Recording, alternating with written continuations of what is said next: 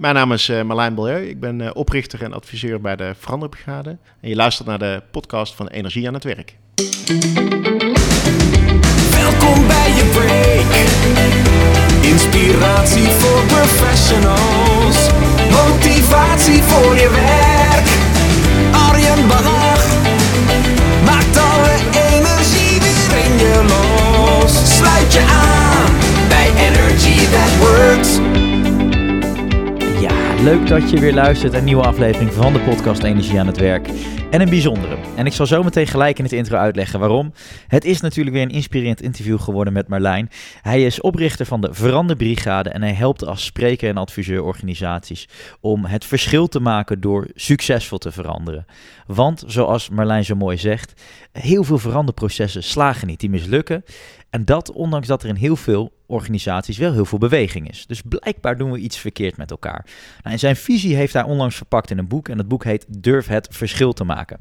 Samengeschreven met Guido van der Wiel. En Guido is uh, onder andere ghostwriter. Klein tipje van de sluier. Hij gaat uh, ook mij helpen met het schrijven van mijn boek Organisatie Vibe. Maar daar gaat het nu niet over. Het gaat nu over Durf het verschil te maken. En ik ga voor het eerst een weggeefactie doen.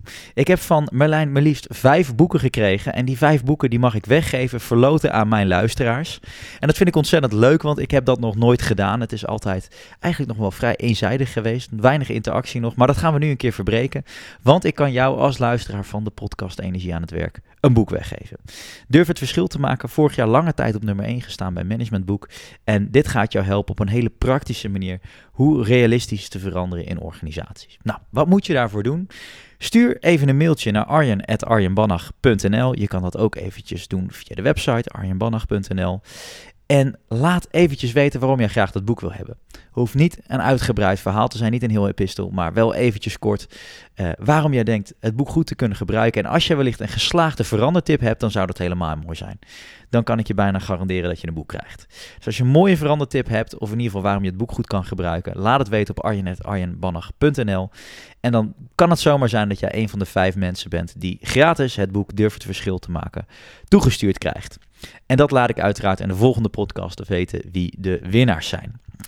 Ik ga er niet te veel woorden aan vuil maken, want veranderen, dat moet iedereen vandaag de dag. Elke organisatie moet bezig zijn met vernieuwing om een belangrijke rol te kunnen spelen in de wereld van morgen. En ik kan je vertellen dat dit interview je er zeker bij gaat helpen. Dus ik wens je veel luisterplezier bij het interview met Merlijn Balieu.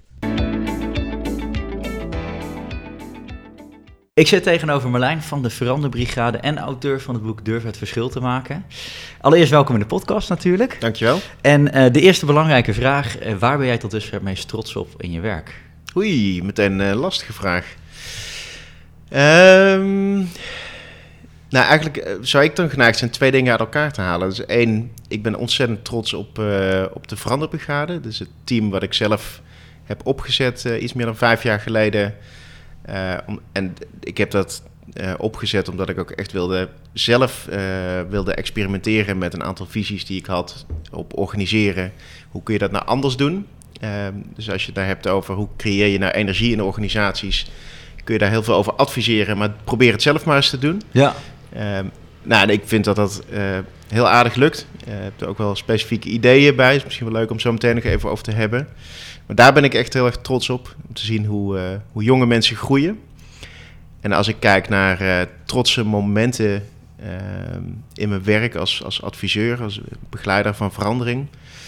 Ja, dan zijn er denk ik een hele hoop kleine momenten vooral. Waarin je ja, terugkrijgt van mensen hoe, hoe ze vanuit een bepaald inzicht echt iets anders zijn gaan doen. Dus het zit niet, meestal niet op. Ehm, nou, we hebben uh, in de hele organisatie een bepaalde KPI bereikt. En daar ben ik heel trots op. Maar die, die is altijd gerelateerd aan, aan individuele mensen die zichtbaar trots zijn op hun eigen vooruitgang, ontwikkeling. Uh, ja, dat maakt me dan ook trots. En uh, ik denk ook dat er weinig beroepen zijn waar je zo vaak applaus kunt krijgen ehm, als je je werk goed doet. Dus dat maakt het ook heel leuk om te doen. Ja, ja, mooi. Uh, en jij zegt die veranderbrigade heb je opgericht vijf jaar geleden vanwege het gevoel er, er, er, moet iets anders. Kan, kan je ons eens even mee terugnemen naar dat moment? Wat zag jij op dat moment waarvan je dacht, hé, hey, hier moet ik iets in gaan doen? Ja, uh, nou deels vanuit eigen ervaring. Ik, heb, ik had een hele gave werkgever. Uh, waar ik hiervoor werkte. Ehm, en dat was een, ook een adviesbureau, daar werkten ongeveer 40 mensen. Ehm, en daar, daar heb ik ook veel van geleerd. En er waren ook een aantal dingen waarvan ik dacht, ja, dat zou ik zelf anders willen doen. En, ehm, en dat had te maken met uh, toch ultiem met vertrouwen en verantwoordelijkheid. Hm? En dat zat deels in hoe organiseer je iets. Dus bij ons ehm, nou, wilde ik absoluut geen staf in dienst hebben. Ja. Uh, dus, en dat heeft niks te maken met dat dat geen leuke mensen zijn of niet uh, hard werken. Dat doen ze heel erg. Maar er zit bijna per definitie iets onteigenends in staf hebben. Of je nou een office manager hebt, maakt dat je je minder verantwoordelijk voelt voor, weet ik veel, voor de afwas. Of voor het zijn kleine dingen. Als je een controller hebt, gaat het controlebewustzijn omlaag bij mensen. Of uh, voelen mensen zich niet meer verantwoordelijk voor het laten betalen van een factuur. Um, dus het zit in dat soort kleine dingen waarvan ik dacht, ja, maar dat wil ik per definitie niet. Dus uh, iedereen bij de veranderbrigade uh, heeft nou, eigenlijk de volle verantwoordelijkheid voor alles. En dat klinkt heel veel, maar als je dat met elkaar doet, valt dat heel erg mee. En, en heb je ook geen ruis. En wat ik dus ook toen van mijn vorige werk wel heb geleerd is... als je telkens moet schakelen met allemaal mensen in de staf... Over die facturen, over um, offertes, hoe die gemaakt moeten worden... Um, ja, die mensen die kijken vanuit het, achter hun bureau naar de werkelijkheid. En jij zit ja. bij die klanten, dus dan moet, zit je altijd uit te leggen waarom. En, en nou ja, dat wilde ik er tussenuit halen. Dus dat aan de ene kant. Um, aan de andere kant ook echt gefascineerd door het verhaal van Ricardo Semler. Hè, voor heel veel natuurlijk bekend. En daarvan dacht ik, ja, maar dat moet ook anders kunnen. Dus ik, ik weet, bij mijn, bij mijn vorige werk hadden we gewoon standaard 25 vakantiedagen. Je had, en dat was allemaal goed geregeld, hè, dus dat was prima. Uh, een, een, een leaseauto, een, um, uh, je uren werden iedere week in een, in een systeem geadministreerd... en daar rolden uh, facturen uit, et cetera. En ik dacht, ja, maar volgens mij kan dat ook anders. Um, dus bij ons heeft niemand vakantiedagen. Wat niet betekent dat ze niet op vakantie gaan. Maar ik heb ze niet gelimiteerd op 25 of 40. Omdat ik niet weet wat mensen nodig hebben. Nee. Dus ehm, de een gaat langer, de ander gaat korter. Maar als je geen norm hebt van nou, het is 25 of 30 of 40. dan, hebben, dan heb je dus ook het goede gesprek daarover. Van wat heeft iemand nodig? Dus 25 is natuurlijk super arbitrair aantal. Um, los daarvan uh, hebben we ook wel deels seizoenswerk. Dus in de zomer is het uh, vaak rustig bij ons. Ja, ja waarom, zou ik, waarom zouden mensen niet gewoon lekker vijf weken op vakantie gaan in de zomer... als er niks te doen is ja. bij klanten? Ik denk, ja, dat is, geniet ervan. Ja. Dus voor mij is ook wel, we hebben dat laatst ook genoemd... je moet een beetje op de kleintjes letten voor het grote genieten. Ja.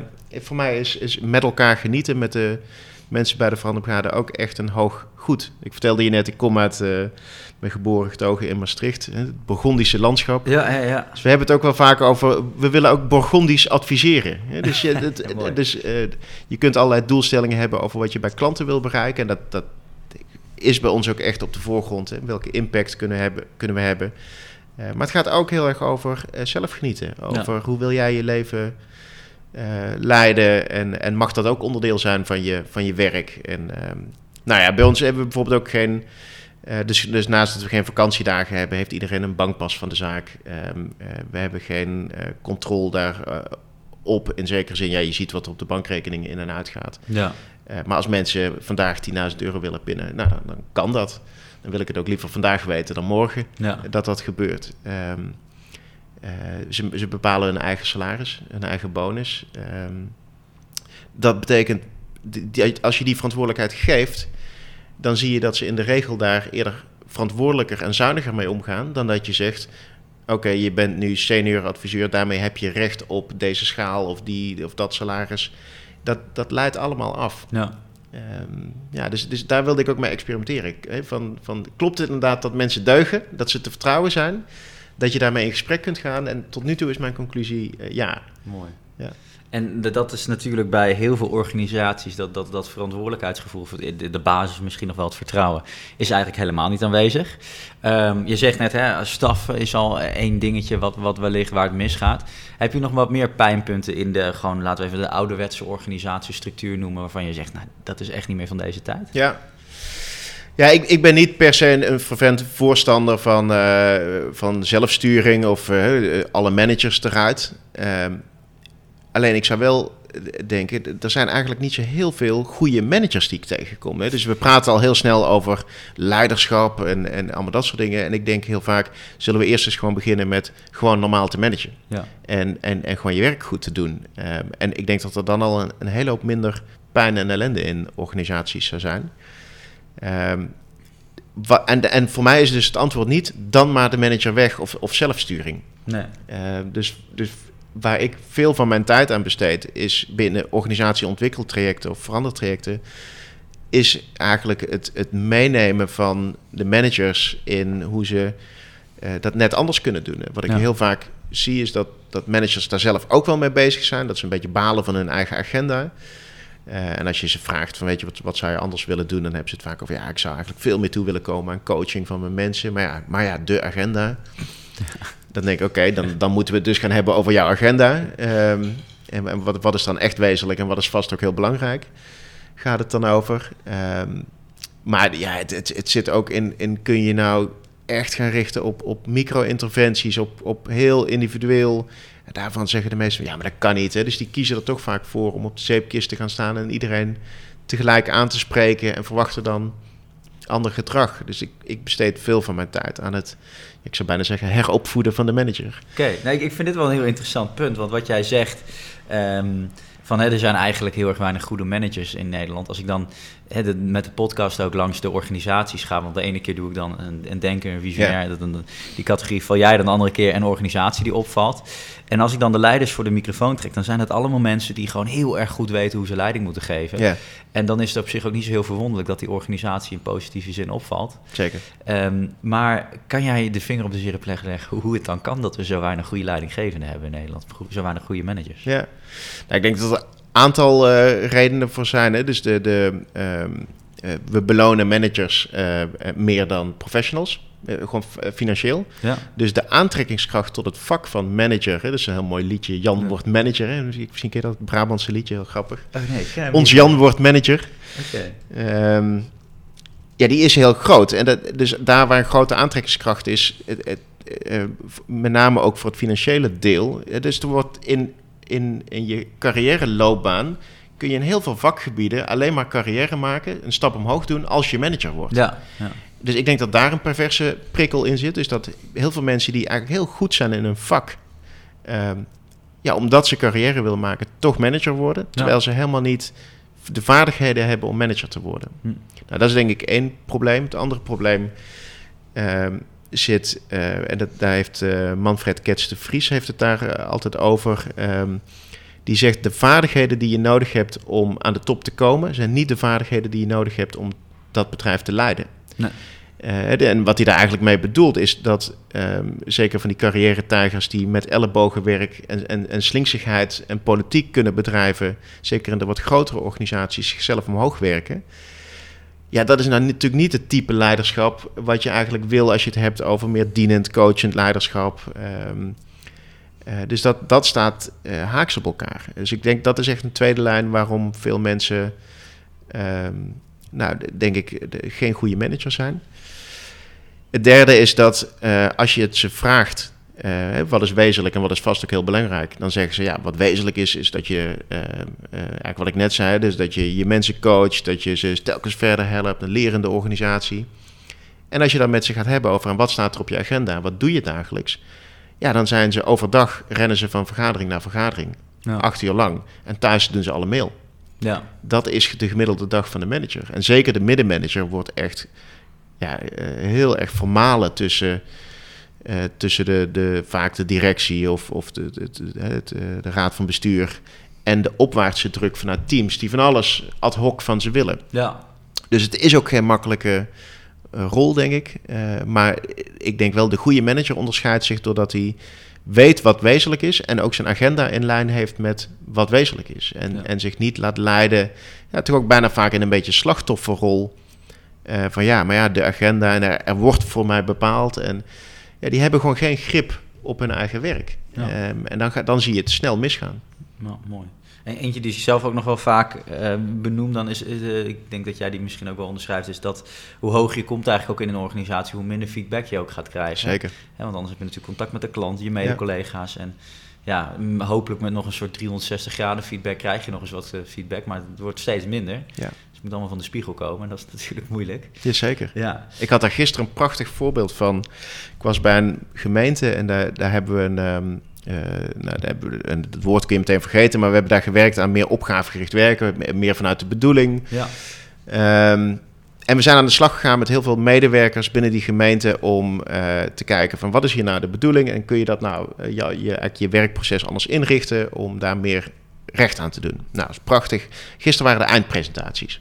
Dus medewerkers van die gemeente vertelden eigenlijk aan een grote groep, waaronder de gemeentesecretaris, over wat ze bereikt hadden. En eigenlijk in ieder verhaal kwam terug dat ze zelf op de foto waren gaan staan. Dus dat het ging om zelfreflectie. En vanuit die zelfreflectie konden ze een, een ander soort relatie bouwen met de mensen met wie ze moesten samenwerken. En vanuit daar kwam eigenlijk een mooiere inhoud. Ja.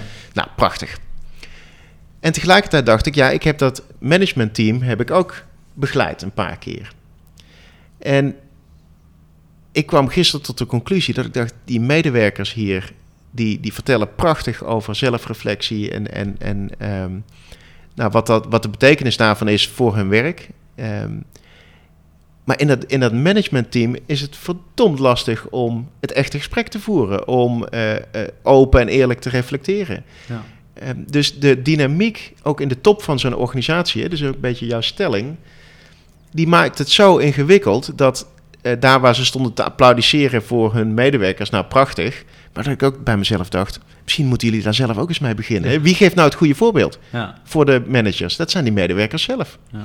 Ik geloof niet dat ze s'avonds thuiskomen en nog eens even in de spiegel kijken. Goh, misschien moet ik daar zelf ook iets mee. Dus dat is, ja, dat is taai. Ja, ja ook omdat ze natuurlijk het, er hangt toch een beetje een soort ehm, ja, kleine elite uh, positie bijna. En, en dat, je, dat je dan ook misschien van je voetstuk kan vallen als je jezelf te kwetsbaar op zou stellen. Zeker. Terwijl dat natuurlijk juist eigenlijk heel menselijk zou zijn. Ja. Um, wel, welke kant moeten we dan wel op met het leiding geven? Heb je daar een bepaald... Als je dan zegt van ik coach managers, dan, waar, waar help je ze dan mee? Nou, ik, ik, ik help ze om... Uh, deels om, om de agenda letterlijk te veranderen. Dus waar ik het meestal uh, echt op ingrijp is dat de agenda gedomineerd wordt door bedrijfsvoeringszaken.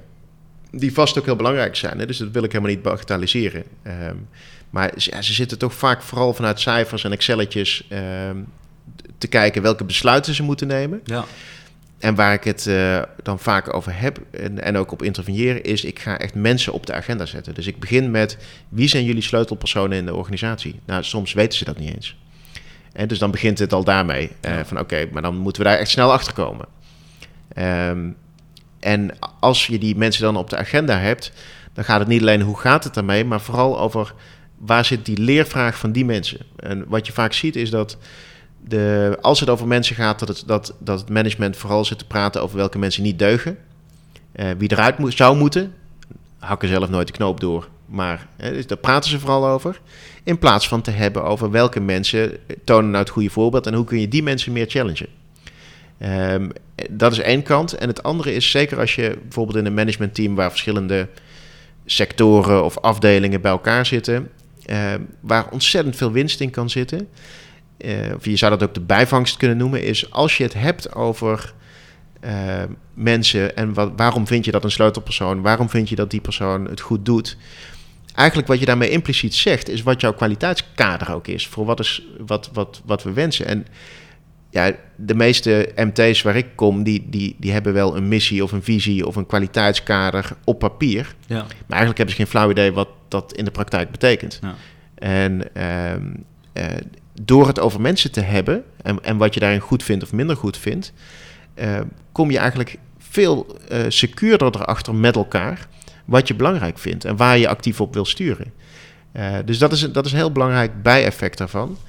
Um, en, en daar waar een MT gemixt is met uh, verantwoordelijke van meerdere afdelingen, als je het dus hebt over uh, de leerervaring van mensen centraal gaat stellen, zeker van je sleutelpersonen, dan is het super interessant om te kijken, uh, hey, ik heb iemand in mijn afdeling die wil graag dit en dit leren, maar eigenlijk loopt hij bij mij tegen de grens aan. Zou die niet bij jou in dat project? Of, dus het, het uitwisselen van mensen veel actiever ehm, kan daar een ontzettend belangrijke rol in spelen. En dat, dat geldt ook voor als mensen minder goed functioneren. Kun je die koppelen aan andere mensen in de organisatie? En ja, daar hebben nog heel veel organisaties veel in te leren. Dus die, Ja. die denken A vanuit, ja, maar we hebben toch mobiliteitsbeleid? Of we hebben, daar is HR toch van? Ja, of eh, ja, dat is jouw probleem, want dat is jouw afdeling. En, en je hebt een budget en formatieplaatsen. En, dus er wordt heel klassiek eigenlijk nog gedacht. Ehm, dus we hebben de mond vol van agile en, en wendbaar werken. Nou, ik zie vooral eigenlijk eh, klassiek structuurwerk en eh, nou, veel oogkleppen op. Ja, mooi. Eh, Iets wat, wat, wat ik, toevallig heb ik dat net ook in mijn, in mijn, in mijn, in mijn boek geschreven. Die, die, die overigens, eh, daar ben ik niet druk mee bezig, maar...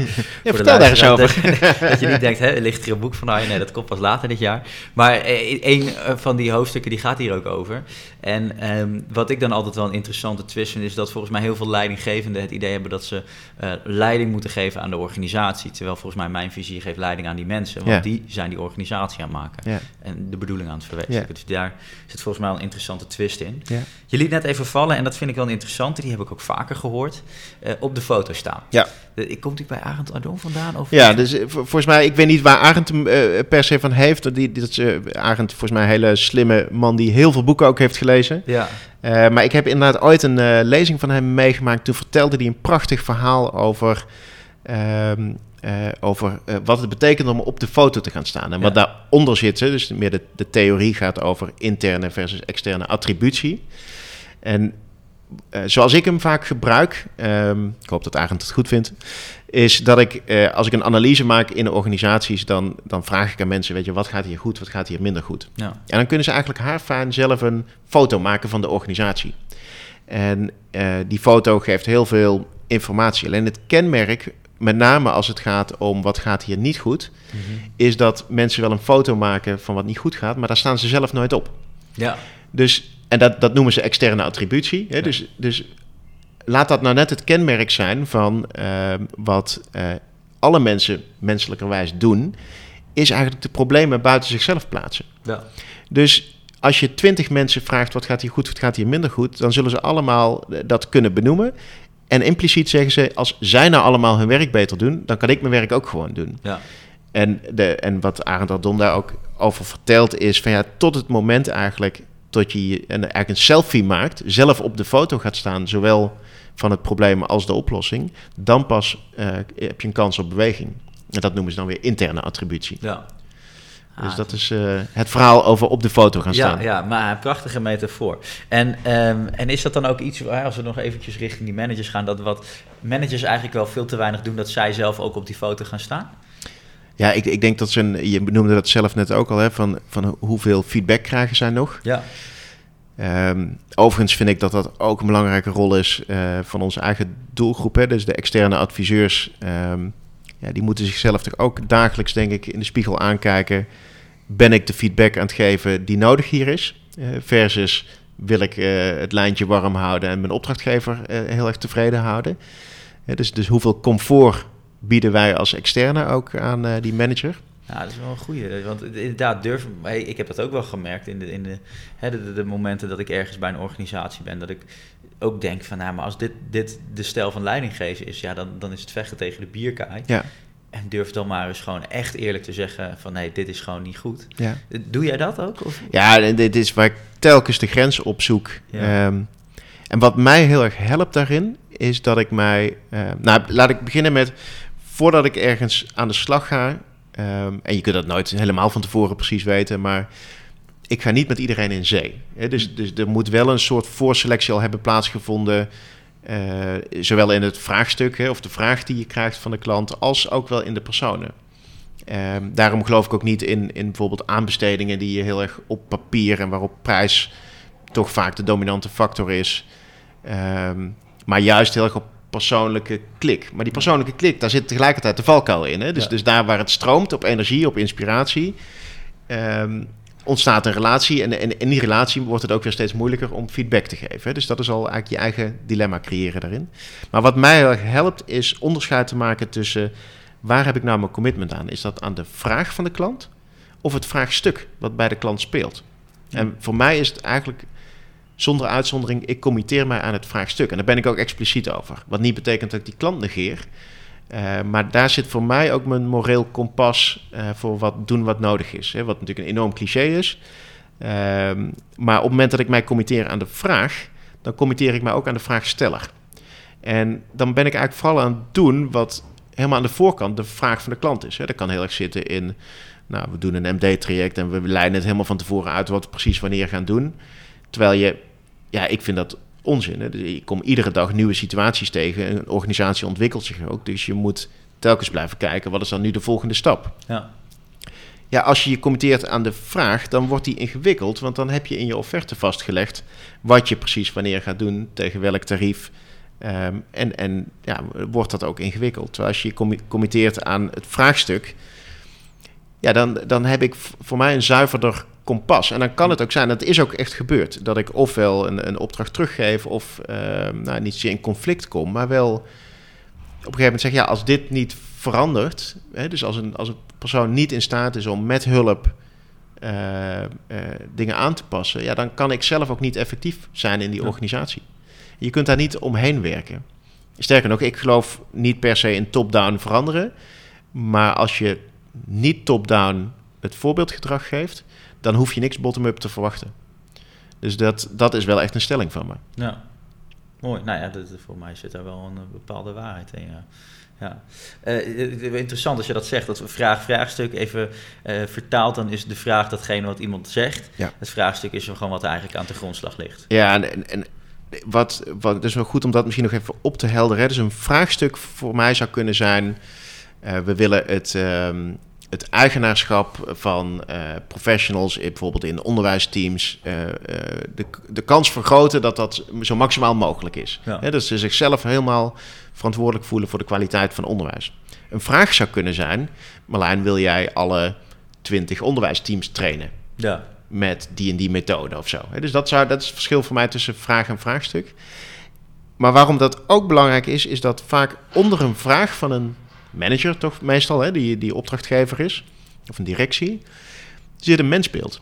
En die vraag is dus in zichzelf al gekleurd vanuit dat mensbeeld. Dus wij, wij krijgen toch wel vaak vragen van klanten die uh, nou, eigenlijk ook wel suggereren waar het probleem zit. Ja. En dat, dat, dan, dan willen ze. Dus je moet heel erg ook op taal letten wat er dan gebeurt. En, en vaak kom je er dan achter dat dat zo'n manager eigenlijk zegt, ja, zij deugen niet. Ja. En eigenlijk is, mijn, is dan de vraag niet aan mij van, hè, wil je de organisatie helpen? Nee, wil je eigenlijk hun een lesje leren? En wil je zorgen dat ze in het gereel gaan? Ja, dus als je niet oppast, word je in die zin het verlengstuk van die manager die zelf onmachtig is om richting te geven aan die teams. Uh, en, en, en, en laat je je verleiden om uh, ja, toch mee te gaan doen in een soort foie gras management waar je het er doorheen gaat duwen. Ja, prachtig foie gras. En dat is niet ja. veranderen. Ja, mooi. ja, mooi. En, en um, dat mensbeeld, dat is natuurlijk wel heel bepalend inderdaad, want uh, daar begint het misschien al wel bij. Hè? Hoe Ja. kijk je naar de organisatie?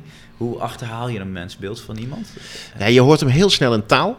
Ja. Dus de, de, Heb je een voorbeeldje ervan? Wat voor taal? Ja, de, het eentje die denk ik heel herkenbaar is, um, uh, gaat heel erg over ze worden toch goed betaald of de gouden kooi. Ja. Da dan weet je al meteen hoe laat het is. Als Ja. mensen zeggen, ik noem wat, eh, ze willen niet meebewegen. Ja. En dat is toch ongelooflijk, want ze krijgen zo goed betaald. Of ze zeuren over werkdruk, ze krijgen toch zo goed betaald. Ja. Da- dan weet je al precies hoe laat het eh, ja. is. Dan is de Ehm, medewerker gewoon een werkpaard. Eh, ja, ja, ja. En, is in de organisatie heel mechanisch. Je stopt er een paar euro's in en dan mag je eh, output verwachten. Ja. En als ze, als ze dan weerstand vertonen, dan hebben we daar een cursus voor. Hè? Dus dat, dat is een beetje het, het, het patroon waar je dan in terechtkomt. Ehm en ik zie het ook vaak in ehm, eh, ja, dat ze de- de- over die weerstand of, of de, de mensen, de mensen willen niet, ze zijn conservatief of hè, ze zijn ehm, eh, eh, ja, niet in staat om mee te bewegen of zo. Ehm, en het gaat allemaal over het, vaak over het doorduwen van iets wat, wat de manager wil. Ja. En nou ja, wat ik daar schijnend aan vind en waar ik ze ook wel help in hun mensbeeld, is bijvoorbeeld eh, daar waar heel veel mensen in de organisatie uh, nou, verandermoe zijn of eigenlijk weinig eigenaarschap tonen. Dat ik zo'n manager help uh, te zien van joh, die, die persoon die jij zo uitgeblust vindt, die is thuis is die voorzitter van de voetbalvereniging. Is die, het doet hij weet ik veel wat. Neemt hij allemaal verantwoordelijke keuzes. Sluit een hypotheek af. De, verbouwt een huis. Weet ik veel wat hij allemaal doet. Uh, leert gitaar spelen. En jij ziet vooral die uitgebluste persoon. Waar je niks mee kan. Um, dus als je even dat andere beeld daarnaast zet. Van goh, is interessant. Hè? Dus dezelfde persoon. Um, en, en, en thuis uh, vertoont hij ander gedrag. Dat betekent dus dat hij in zijn repertoire ook ander gedrag heeft. Nou. Alleen de omgeving die hier wordt gecreëerd, verleidt hem niet tot dat gedrag. Dus ik probeer ook wel vaak met managers te praten over welke omgeving creëren wij hier nou voor medewerkers. Waarmee ik niet wil zeggen dat medewerkers altijd maar willoze wezens zijn die alleen maar slachtoffer zijn van de omgeving. Hè? Dus, dus die hebben ook een eigen verantwoordelijkheid, ook om eh, de omgeving mede te bepalen. Uh, dat is natuurlijk een wisselwerking. Maar daar waar je voelt, managers willen het vooral gewoon doorduwen en, en, en disqualificeren eigenlijk mensen van nou, kunnen niet, kunnen niet, willen niet, uh, niks mee te beginnen. Ja, dan begint het wel bij dat mensbeeld. En uh, gaat er ook over, gewoon, maar zie je ook dat diegene dit doet? Of zie je ook dat diegene allerlei initiatieven toont die jij de hele tijd negeert? Ja. ja. Dus het gaat, en dat kun je alleen maar doen, dat soort interventies, als je daadwerkelijk ook contact hebt gemaakt met zo iemand. Dus als je op afstand, uh, wat ik dan noem, uh, vaak gaat prutsen aan de hark. Dus de veel adviseurs wordt vaak gevraagd: ja, we, het, iets gaat niet goed in de organisatie. We hebben een soort nieuw besturingsmodel nodig. Of we gaan. Is het niet slim, Marlijn, als we dan uh, die laag managers weghalen? Of, en het zit heel erg in dat soort mechanische oplossingen waar mensen in denken, mede omdat ze dat misschien gewend zijn. Maar het voelt ook wel goed. Hè? Dus het, het, het, je komt tot een slimmere oplossing. Ja. Dus je, je gebruikt heel erg je hersenen om tot het nieuwe ideale model te komen. En, en daar zit voor mijn gevoel nooit de oplossing. Ja. Mooi. En uh, we, we, gaan nu een beetje richting de omgeving, die volgens mij ook heel erg bepalend is voor vernieuwing in organisaties. Ja. Um, je, liet al even vallen, vertrouwen en verantwoordelijkheid, dat is, moet wel misschien wel een beetje het fundament zijn. Mm -hmm. um, maar dat is in heel veel organisaties volgens mij maar mondjesmaat aanwezig. Ja. Um, hoe kan dat? dat? Dat er zo weinig vertrouwen en verantwoordelijkheid is? Zit dat in het systeem? Of? Ja, dat zit deels in het mensbeeld. Hè. Dus de, de, de, ik denk dat er stiekem veel mensen zijn die in de basis wantrouwend zijn naar ja. mensen. Ja, dus dus de, de, dat noemen ze het verschil tussen, in de theorie heet dat geloof ik principle en agent. En dus je hebt een deel van de mensen die denkt, ja mensen deugen niet, zijn niet te vertrouwen, moet je controleren uh, en instructie geven. Dat is een heel groot deel. En je hebt uh, mensen die in de basis denken, nee, mensen zijn te vertrouwen, ze deugen, uh, et cetera. Nou, dat is dus al heel bepalend, heel erg bepalend hoe je het doet. Alleen, nou, we hadden het in het begin van het gesprek ook over, wat doet nou bijvoorbeeld de aanwezigheid van staf? Ja. ja. dus jij kunt, laten we ervan uitgaan dat jij iemand bent die in de basis mensen vertrouwt. Maar nou stuur jij, weet ik veel, twintig mensen aan en uh, voor iedere uh, scheet die die mensen laten is er een regel bedacht. Ja. Ja, dus dan, dan gaat het over of nou de vakantiedagen is of de zwangerschapsverlofregeling. Of alles is meestal in kaders en procedures vastgelegd. Iedere regel en procedure zit eigenlijk een soort geïnstitutionaliseerd wantrouwen ook in. Ja. Ook een intentie om dingen goed te regelen, maar vaak vanuit een soort gelijkheidsbeginsel. Maar mensen verliezen ook vertrouwen omdat ze zichzelf niet gehoord voelen. Dus je kunt best wel. Dus iedere regel heeft vaak een, een prima intentie en, en een aanleiding. Maar mensen voelen zich niet gehoord omdat mensen niet in staat zijn. En zeker mensen in de staf voelen zich niet geroepen om dat te doen. Om letterlijk het verschil te maken. Ja. Dus tussen Jantje en Pietje. Nee, de, de oriëntatie zit op uh, de regel volgen. Ja. En, en ik geloof dat hoe meer regels en procedures je hebt, hoe groter dat, uh, dat wantrouwen is. Dus zelfs als jij een manager bent met in de basis uh, het gevoel van mensen deugen, creëert een, een, een, een, bureaucratische organisatie met veel regels en procedures toch wantrouwen. Ja. En voorkomt vaak vanuit een soort doorgeslagen uh, gelijkheidsbeginsel um, het vermogen om letterlijk de een anders te behandelen dan, dan de ander. Ja, dus dan gaan we iedereen over één kam scheren. Ja, en dat is natuurlijk ook niet de bedoeling. Nee, en, en dat vraagt dan weer juist heel veel lef van managers om uh, ja, toch daar andere keuzes in te maken. Ja, Ja, ik, ik kan, kan me nog een plaatje herinneren uit jouw presentatie. Dat je eh, drie mannetjes ziet met allemaal verschillende lengten. Ja, En als je ze allemaal gelijk behandelt om over een hekje te kijken, krijgen ze allemaal een kistje. ja, Waarbij de ene nog steeds niet overheen kan kijken en de lange wel. Dus je moet ze een verschillende kist geven, zodat ze allemaal Precies. er bovenuit toren. ja. Mooi, eh, mooi beeld daarbij. Eh, wat, wat, wat, moet je dan doen met elkaar? Want ik denk dat, we hebben het veel gehad over een manager leidinggevende, maar hier zit natuurlijk ook een rol voor, voor, voor een medewerker weggelegd. zeker. Om, om vertrouwen te gaan vergroten in een omgeving. Nou, ik, ik denk dat het begint bij eh, stop met de groep aan te spreken en start met het individu aan te spreken. Hm. Ehm, en kijk per persoon wat diegene eh, wil leren, te leren heeft. En het is niet alleen maar eh, lief zijn, hè? dus het kan gewoon ook gaan over aanspreken op wat je echt niet goed vindt. Nou, maar totdat we, hè, dus veel, daar wordt vaak de tijd niet voor genomen, ofwel eh, wordt toch gekozen voor we sturen een mail naar de hele afdeling, of, de- de- of we spreken de hele afdeling in een vergadering aan. Ja, mensen voelen zich gewoon niet aangesproken dan. Eh, ook omdat ze zich niet vereenzelvigen met, eh, met de problemen die je schetst. Dus tot het moment dat je echt contact maakt met individuen, geloof ik pas dat er beweging kan komen. Dat mensen zich ook daar verantwoordelijk voor voelen. Dus dat is echt wel een cruciale sleutel om het vertrouwen te vergroten. nou, mooi. En vanuit daar hè, ontstaat ook weer verantwoordelijkheid. Ja, en, en, het gaat natuurlijk ook heel erg over voorbeeldgedrag. Hè? Dus het, het, ehm, als je niet congruent bent met eh, als je eh, eh, zegt dat mensen integer moeten zijn, maar je bent zelf niet integer, ja, dat, dan gaat natuurlijk niemand meer iets van jou aannemen. En Nee. het klinkt natuurlijk heel simpel en dan zal iedereen zeggen, ja, nee, natuurlijk. Ehm, maar heb je van jezelf echt een goed beeld hoe mensen jou percipiëren? Ja. En eh, in die betekenisgeving die mensen hebben over jouw rol, eh, ja, daar moet je wel gevoel bij hebben Ja. om effectief te kunnen zijn. En ik zie heel vaak managers die met de beste bedoelingen, maar die hebben het over eigenaarschap en die, en die presenteren weer de volgende Excel. Ja. En ehm, ja, dat is gewoon niet geloofwaardig. Nee.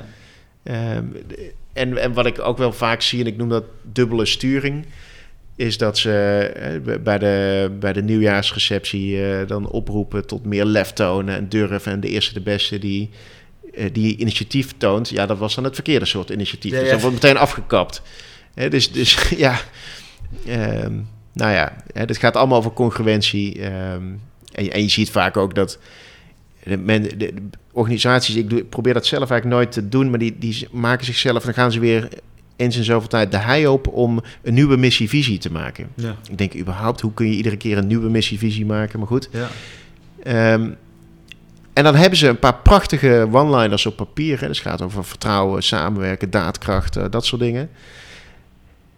En, maar die, die woorden die zijn loos in die organisaties. Hè. Dus de, de, de, de, de, de, ehm, dat was een prachtig voorbeeld vorig jaar van die eh Vondelflat in Groningen. Hè. Jouw, eh, ja, de plek waar jij Nou woonde. ja, ik heb het vanuit de gemeenteraad natuurlijk van dichtbij mij precies. En ik vond dat zo'n mooi voorbeeld. En ik gebruik hem ook wel eens in presentaties. Ehm, waarin ehm, en het kwam in het nieuws doordat die, die directeur eh, een aantal inwoners eh, had gedaagd met een dwangsom van 500 euro per dag dat ze hun eigen eten bestelden.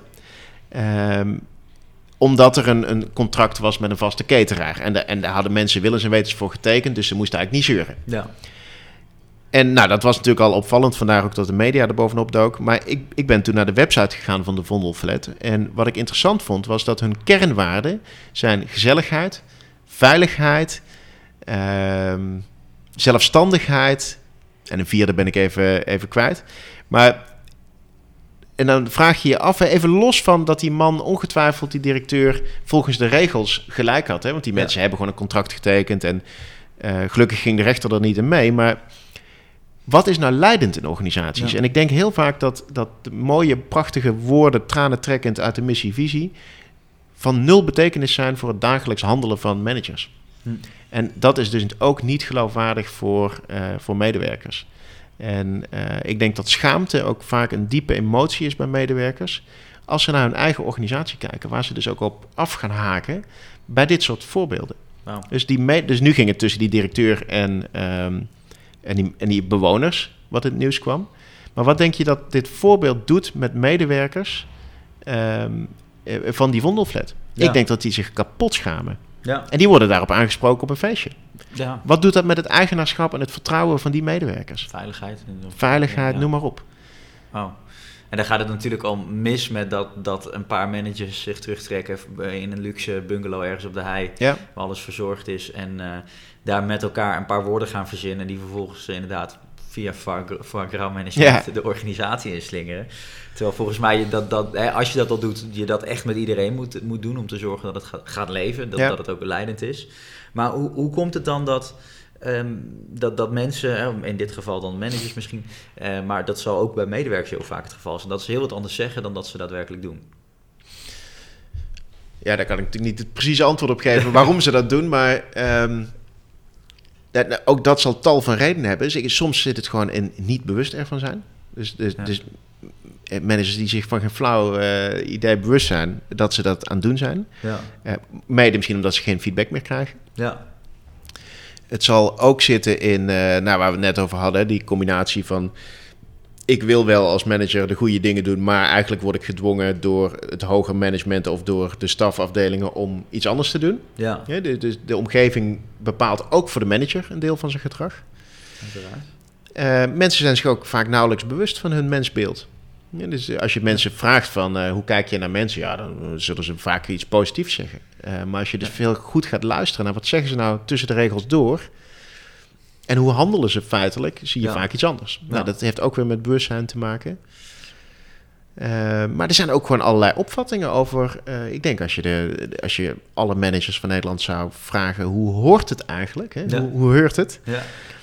Dat heel veel managers ook eh, nog hele klassieke beelden hebben over hoe je dient te managen op, op instructieniveau. En dan wordt er vaak gezegd, ja, maar die mensen op de werkvloer die eh, deze en deze opleiding niveau hebben of salaris, dat hoort, als je het over taal hebt, ja, maar dit zijn mensen met schaal 6, hoor je dan. Ja. Nou, dan weet je ook al hoe laat het is. Die kunnen niks. Dus die moet je wel.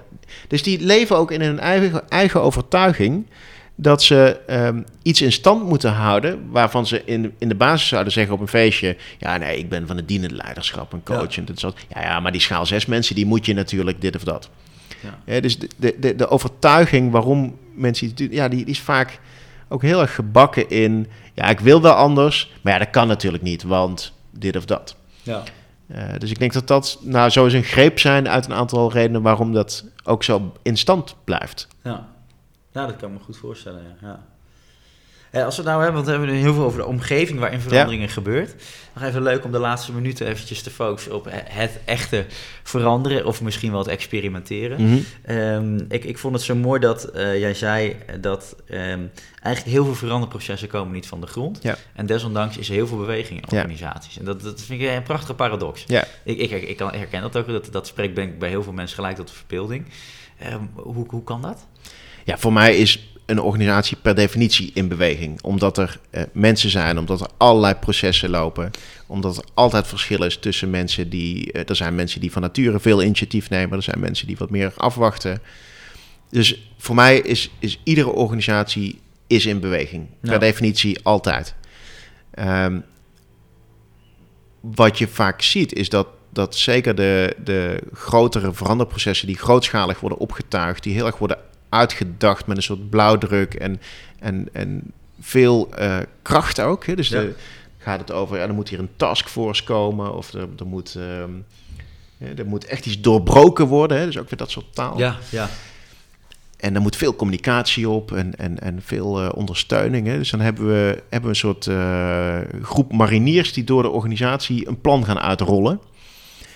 En dat zie je dat dat heel verlammend werkt op organisaties. En dus ondanks dat er altijd beweging is en zal blijven, maar dat, als je dan dat soort grootschalige veranderprocessen eigenlijk als een deken bovenop een organisatie legt, dan verlamt dat een hele hoop dingen. Maar het verschuift ook naar, meer naar de onderwereld. Hè? Dus de, de beweging die er is, wordt gewoon minder zichtbaar. ja. Omdat, eh, nou, dat, dat vaak dan ook wel, of mensen worden gewoon stil.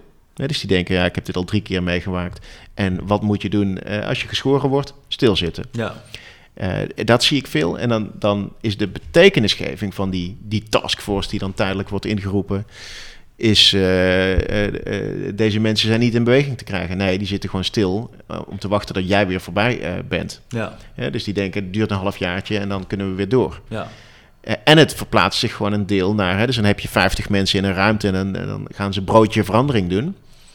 Ehm, En dan zeggen ze, ja, hadden het verhaal gehouden. Ja, ging volgens mij wel goed, hè? Ja, er kwam wel weinig reactie uit de zaal. Ja. Vind je het gek? Hè? Dus die, die, de, de, dat is niet de plek waar je in, in contact bent of, of in gesprek bent. Nee. Het is veel interessanter om dan eh, op de wc te gaan zitten bij de mannen... in dat ene hokje waar die drie urinoirs naast elkaar zitten... en te horen wat die drie mannen tegen elkaar zeggen. Ja, precies, ja. Nou, meestal zal het waarschijnlijk beginnen met wat een gezeik... of die manager is toch over een half jaar weg, rustig aan. Hè? Dus als je daar geen gevoel bij hebt... ehm, ja, dan gaat er heel weinig gebeuren... en dan, ja, dan, dan- dan, dan is er een, een ogenschijnlijke stilstand. Ja. En je zegt dus eigenlijk eh, niet hè, dus met een paar mariniers mouwen opstropen en we gaan het zo doen. Maar vooral goed kijken naar waar gebeuren al dingen. Ja, dus, En, eh, dus de snelste verandering is te zien waar het al lang gebeurt. Ja, Ja, dus het- wat, ik, wat, het- wat mij enorm frustreert, is dat we dan een, een, een verandering eh, met de beste bedoelingen en intenties zeggen. We willen eh, teams aan zet. ja, Eh, nou, prachtige eh, one-liner. En dan, en dan willen we het eigenaarschap vergroten. En dan zeggen we, in 2021 zijn alle teams aan zet.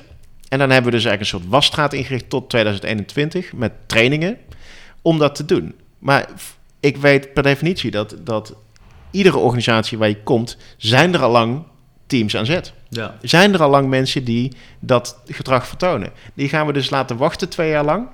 Die gaan we frustreren door een wasstraat. ja. In plaats van te zien en te erkennen waar het al lang gebeurt. En ik weet ook dat er ongetwijfeld ook onderdelen zijn in die organisatie die daar misschien nooit gaan komen. En ook niet in 2021 en misschien ook niet in 2025. Nee. Dat vraagt gewoon een hele andere soort interventie. Maar we, we gaan ja, toch vaak die, die algemene oplossingen bedenken voor hele specifieke problemen of voor plekken waar het al lang goed gaat. Ja. Is, is dat dan ook het verschil tussen een breedte en een diepteverandering? Dat we die breedteverandering heel vaak nu nog initiëren van hè, dat is dan zo'n wasstraat, we willen iedereen hup, daardoor heen. Ja. En dan eh, gaan we ervan uit of volgen dat het eigenlijk allemaal goed is. Nou, dat blijkt vaak niet zo te zijn. Nee. En dat een diepteverandering veel meer is, ja, die micro-interventies, gewoon kijken waar, waar moet je nou eigenlijk beginnen? Ja, nou als je, hem- als je hem zo eh, de- definieert, dan, dan geloof ik dus heel erg in die eh, diepteverandering. eh, Ja. Op individueel niveau of op teamniveau. Ehm, en dan geloof ik ook dat je heel bewust moet durven differentiëren. Ja, Ja, dus dat je bij, de, bij het ene team interventie X doet en bij het andere team misschien helemaal niks. En, en bij weer een ander team weer heel iets anders. ja, Ehm, gisteren was ik nog bij een, een, een, organisatie in, eh, in Zwolle. ja, Ehm, en, en daar ging het ook over. Daar, iedereen moet een, een bepaalde startkwalificatie halen. En dat is vanuit de beste bedoeling. Hè? Dus een soort van eh, waarborg voor een ondergrens. Dus dat, en dat ging over een cursus. Hè? Dus Ja. iedereen moet een bepaalde cursus gedaan hebben. En je kunt van tevoren natuurlijk al uittekenen wat er dan gaat gebeuren. Er ontstond enorme weerstand in die organisatie. Van mensen die dat allemaal belachelijk vonden, betuttelend, eh, eh, eh, kinderachtig. Dus je mist ook een kans om eigenlijk in gesprek te gaan over de essentie. Dus waar het zich tot beperkt is aan de ene kant eigenlijk het afvinken. Ze hebben de cursus gedaan, dus we voldoen. ja, En aan de andere kant zijn de medewerkers vooral hun energie aan het besteden aan het tegen zijn. ja, Voor een groot deel. Dus dat is verloren energie. ja, Dus als je vanuit differentiatie kijkt, denk je, nou, volgens mij hartstikke goed. Hè? Dus, dus wat beoog je met die kwalificatie? Ja, dat mensen een bepaald niveau hebben. Nou, hartstikke goed. Zullen we dan eens gaan kijken naar een soort vlootschouw? Hè? Waar zie je dat mensen dit al lang doen? Nou, geef die mensen die kwalificatie alvast of eh, vertel dat ze dat goed doen.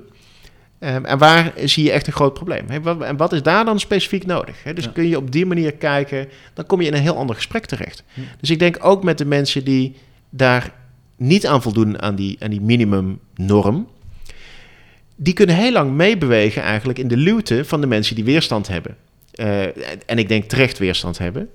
Ehm, dus je, je, je bent ook nog ehm, alle andere energie aan het losmaken die in de weg staan van, van het veranderen daar waar het echt nodig is. ja, En tegen de tijd dat je daar eindelijk voorbij bent en mensen op een gegeven moment weer zijn gaan stilzitten omdat ze geschoren worden, is er weer iets anders op de voorgrond in de organisatie ehm, eh, wat, wat prioriteit heeft en dan verschuiven we onze aandacht weer. ja, En, en, en ja, ik zie dat veel organisaties eigenlijk de ene na de andere veranderingen in die zin aan elkaar rijgen. En dat leidt ook tot een hele grote frustratie bij mensen dat, ze, dat er nooit iets wordt afgemaakt in de organisaties. Ja, dat heeft onder andere hiermee te maken. Dus Ja. het grootschalig optuigen, niet het verschil durven maken, niet differentiëren, niet eh, persoonlijk maken. En ehm, jij zegt dan aansluiten bij wat er al is. Ja. Dat, ik denk dat dat misschien ook nog hè, dat is misschien makkelijker gezegd is dan gedaan. Want je moet je heel goed kijken waar speelt wat. En hoe ga je dat dan vervolgens uitlichten? Heb je daar een beetje tips bij, voorbeelden bij hoe je Ja. dat dan doet?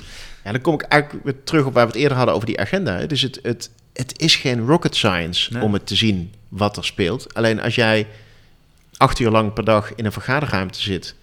en, en dat jouw, jouw kijk op de, op de, eh, de werkelijkheid is... Ja, dan zit je in een bubbel. Ja.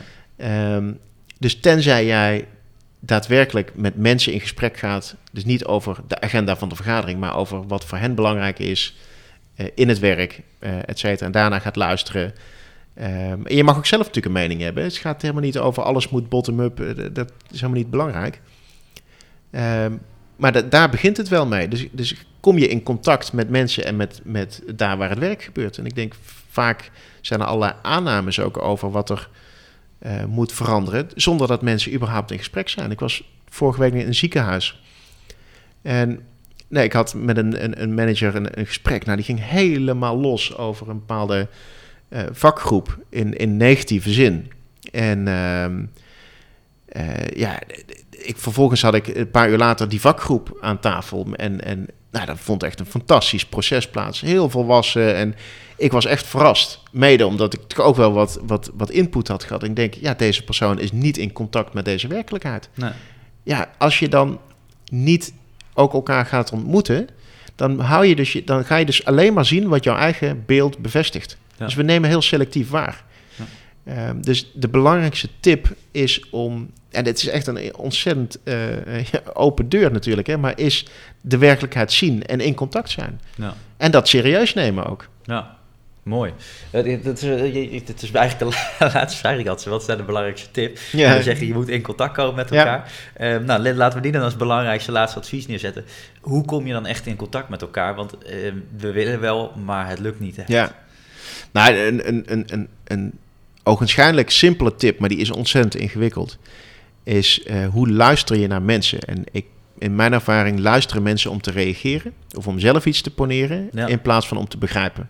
Mooi. Ja. En eh, waar ik heel vaak in groepsprocessen ook op interveneer, is dat ik dan zeg, en dan wordt ze helemaal gek van mij, zeg ik, heb je ook een vraag? Ja, maar ik wil gewoon dit. Heb je ook een vraag? En tot drie keer toe, heb je ook een vraag?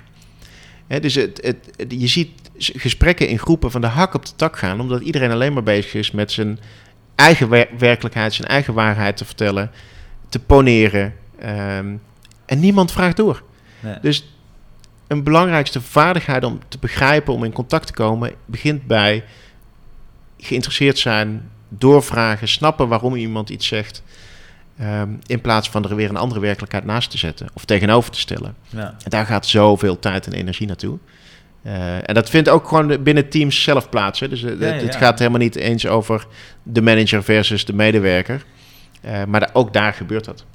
Dus ik vind het wel een hele mooie concreet aan het eind. Dus je, je zit gewoon in een overleg. Het kan tussen manager en Ja. medewerkers zijn, medewerkers onderling. Hè, er ligt iets op tafel. Ja. eh, Jantje roept, ik kijk er zo tegenaan. Dan komt Pietje, nou, ik zie dat anders, ik zie dat zo. Ja. Waardoor je eigenlijk gelijk alweer een soort botsing hebt die afstand creëert. Ja.